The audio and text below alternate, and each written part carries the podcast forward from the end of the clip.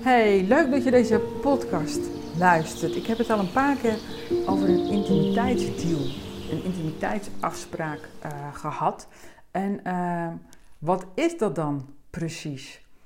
Dus um, mijn naam is Judith Bruin van Bemin Jezelf. En super dat je luistert, want dan blijkt maar weer dat je, dat je relatie belangrijk voor je is. Um, die intimiteitsdeal, hè? Je bent bewust of onbewust met elkaar overeengekomen wat er wel en niet is toegestaan binnen je relatie. En misschien ook wel buiten je relatie. En uh, nou, misschien wel vooral buiten je relatie om. Maar eigenlijk is het ook fijn als je afspraken hebt binnen je relatie. Maar goed, mag je allemaal zelf weten. En nu denk je misschien dat dat alleen over uh, seksualiteit gaat.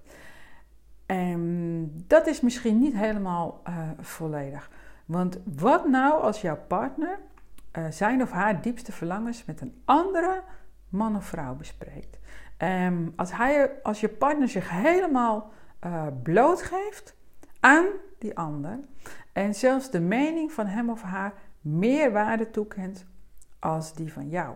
En um, nou, om het nog maar even erger te maken, als hij of zij de behoeftes van die ander boven die van jou stelt, is dat dan ook een vorm van vreemdgaan. Dus er is geen seks, maar je bent duidelijk niet de belangrijkste persoon in het leven van je partner. Theoretisch kan het zelfs wel eens zijn moeder zijn. Maar goed, dat is wel weer een. dat is misschien een beetje een gemene opmerking of een hele ouderwetse. Maar goed, je zal er maar mee te maken hebben. Dan is er eigenlijk ook nog wel een andere uiterste die ook met een intimiteitsdeal te maken heeft. Stel dat je hebt afgesproken dat je geen seks buiten de relatie mag hebben, maar, en dan, doet, dan moet je even zelf invullen wat seks precies inhoudt voor jou, en dat is natuurlijk een heel, heel spectrum. Maar je kunt of je wilt zelf niet meer seksueel actief zijn. Is het dan logisch dat de intimiteitsdeal blijft bestaan? Of leg je daarmee je partner een verplicht celibatair leven op? En als dat gebeurt, draagt het dan bij aan jullie geluk samen. En natuurlijk is er een, een, waarschijnlijk een goede reden dat je geen seksualiteit meer wilt of kunt hebben. En dat is vaak natuurlijk al verdrietig genoeg. Dus het laatste wat ik wil is je schuld- of schaamtegevoel aanspreken. En tegelijkertijd zorgt zo'n gedwongen keuze vaak uh, zelden eigenlijk voor meer verbinding en veel vaker um, tot verwijdering. Want, want bij seks denken we heel vaak dat het gaat om penetreren. En uh, dat is natuurlijk onderdeel van seks. Uh, en seks heeft, dus we zijn al modern geworden, gelukkig, er zit een voor- en een naspel bij. Uh, maar zelfs dat is nog niet alles. Want met seks vervul je dus niet alleen je behoefte aan seksualiteit, maar ook die bijvoorbeeld aan aanraking, een verbinding, um, intimiteit, je gezien, je gehoord voelen. Je geeft je, je, geeft je tenslotte meestal helemaal bloot. Um, je gewaardeerd worden, geaccepteerd worden. Um, maar ook je behoefte aan uh, gezelligheid. Seks kan ook heel gezellig zijn. Spanning, avontuur, uh, gelijkwaardigheid, humor. Seks met humor is ook, vind ik ook fantastisch. Um, je, je behoefte aan, aan erotiek, seksuele expressie, creativiteit. Dus seks vervult gewoon heel veel behoeftes. En um, celibatair leven, vooral als dat niet bewust gekozen is, nou dat is eigenlijk altijd wel aan de gang, tenzij je natuurlijk voor een, een religie kiest. Um, of een religieus leven, um, dan heeft dat dus een, een, weerslag op je relatie. Want, want je kunt heel veel andere behoeftes niet meer, uh, worden niet meer vervuld, omdat vaak, ja, weet je, het is gewoon een beetje lastig. Uh, je wilt geen seks meer, dat komt echt tussen jullie in te staan. Um, als je iets van intimiteit creëert, verwacht je soms, uh, schep je soms ook weer verwachtingen waaraan je dan weer niet kunt voldoen.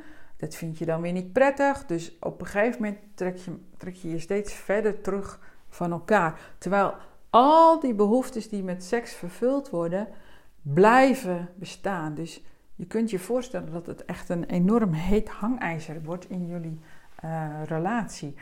En daarbij komt dat je de vrije toegang tot je grootste energiebron, tot je, ja, want seksualiteit is gewoon de krachtigste energie die je hebt, die wordt geblokkeerd. En als je nou niet weet hoe je zelf die bron aanboort door jezelf te beminnen, dan kom je dus gewoon in de problemen. Want het blijkt dat stellen die tot op hoge leeftijd met elkaar vrijen, die zijn gewoon gelukkiger, gezonder. Uh, die voelen meer verbinding en die, die hebben meer, uh, zijn meer vervuld. Die, hun leven heeft meer uh, zin. Dus als het zover komt dat je partner geen seksualiteit meer wil, dan kun je vanuit liefde of op basis van wilskracht besluiten tot een celibatair leven. En dat kan ook vervullend uh, zijn. Um, je kunt ook bij elkaar blijven en voor een open relatie kiezen. En um, nou ja, dan heeft één van jullie beiden misschien de behoefte aan seksualiteit bevredigd. En, en nog wat andere behoeftes waarschijnlijk. Maar je kunt natuurlijk ook je kop in het zand steken en hopen dat een ander niet met een vreemde mee zal gaan. En dan, ja, dan blijf je toch heel vaak een beetje in angst leven. Ook vaak in schuld en schaamte. Um, en je kunt natuurlijk met een beetje hulp en uh, andere kennis als uh, de reguliere kennis, zou je ook weer heel voorzichtig met elkaar kunnen gaan vrijen. En dan uh, stap voor stap. En niet,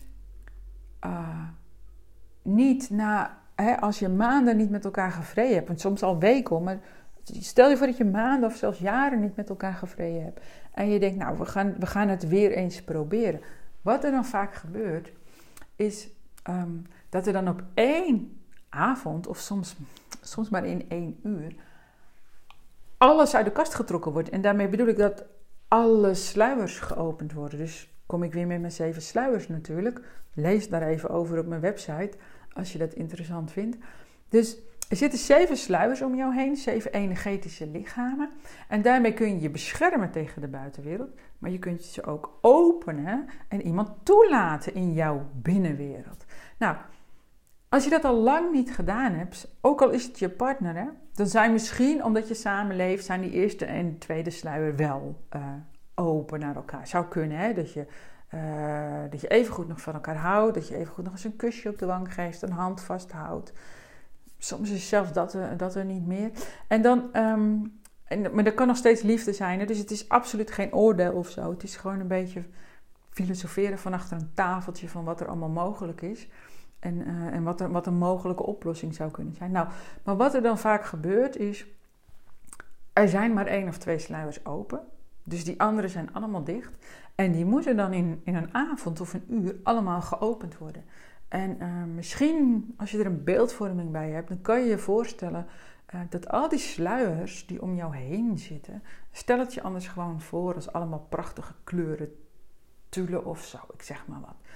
Uh, dat al die sluiers, ja, die hebben hun eigen patroontje misschien wel, eigen golfjes, um, eigen kwaliteiten, maar ook her en daar een scheurtje.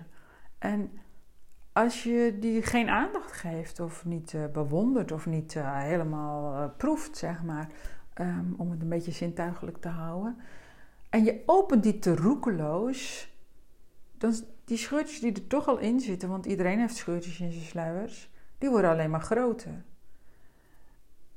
En dan wordt het dus steeds moeilijker om die sluiers allemaal te openen. Zeker als je dat in een uurtje of een avondje wil doen. En dan komt het er misschien één keer in de zoveel maanden, of één keer in het half jaar, of één keer in het jaar uh, eens van. Uh, en, op de, en dan kan het ook nog heel prettig zijn op dat moment. Hè? Dus heb je eenmaal al die sluiers weer open, dan kan het ook nog gewoon fijn zijn. En toch heb je op dat moment je sluiers beschadigd of laten beschadigen of, of over en weer. Allemaal onbewust, hè? dus niemand doet dat expres. Niemand denkt, nou nu ga ik eens een avondje sluiers slopen. Nee, dat denkt niemand en toch gebeurt het. Dus, dus dat is een beetje het, uh, nou, ik wou even niet zo'n goed woord zeggen. Um, dus um, zit je in een situatie dat die intimiteitsdeal is uh, beschadigd, op wat voor manier dan ook, als je met een vreemde mee bent gegaan, of als je zelf zoveel pijn, moeilijkheden, frustraties hebt met seksueel actief zijn, dat je hebt besloten om het niet meer te doen, uh, dan kun je altijd opnieuw beginnen. Je kunt altijd opnieuw beginnen. Door, door het beminnen van jezelf of door het beminnen van elkaar. Of, of alle twee. Dat is misschien wel het allerbeste. Um, want dan kom je weer uh, bij de bron. Je seksuele bron. Je, je levensenergie. En dat maakt jou veel gezonder, vitaler en gelukkiger. Dat sowieso.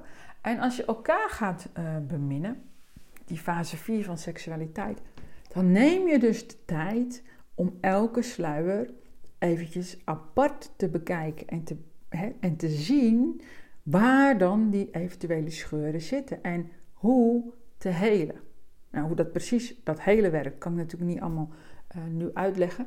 Maar um, je kunt je misschien voorstellen dat als die sluiers dus een beetje beschadigd zijn, en dat als je die elke keer in, in een uurtje in, of in een avondje eventjes wilt openen, dat dat steeds een beetje meer beschadigt. Je kunt je misschien ook voorstellen dan dat als je juist de tijd ervoor neemt en aandacht geeft en liefde, dat die sluiertjes weer heel kunnen worden. En uh, ja, dat is natuurlijk eigenlijk een soort van feestje op zich. Dat je elke sluier weer aan het helen bent. En dat betekent dus dat je met seksualiteit opnieuw begint. En dat lijkt heel vaak heel kinderachtig en misschien wel ouderwets. Maar dat geeft dus juist heel veel plezier. Je bent, je bent aan het helen, dat sowieso. Ook al ben je geen healer, hè? dus dat maakt allemaal helemaal niks uit. En tegelijkertijd begin je weer opnieuw. En weet je nog hoe leuk het was uh, toen je wel verliefd was bijvoorbeeld, maar nog geen seks had gehad. Dus daar ga je weer terug naartoe. Dus elke sluier uh, heeft ook zijn bekoringen. Elke sluier is gewoon leuk om doorheen te gaan. Leuk, dus je komt niet leuke dingen ook tegen, hè, voor de duidelijkheid. Maar het is dus leuk om die te helen en om te ontdekken uh, wat er allemaal mogelijk is binnen een sluier, die zeven intimiteitsstapjes. En uh, om elkaar dus eigenlijk ook een soort van opnieuw te ontdekken. Ook als je bijvoorbeeld al 43 jaar bij elkaar bent. Um, en die heb ik in de training. En dat is gewoon super leuk om te zien dat ze elkaar helemaal opnieuw gaan ontdekken.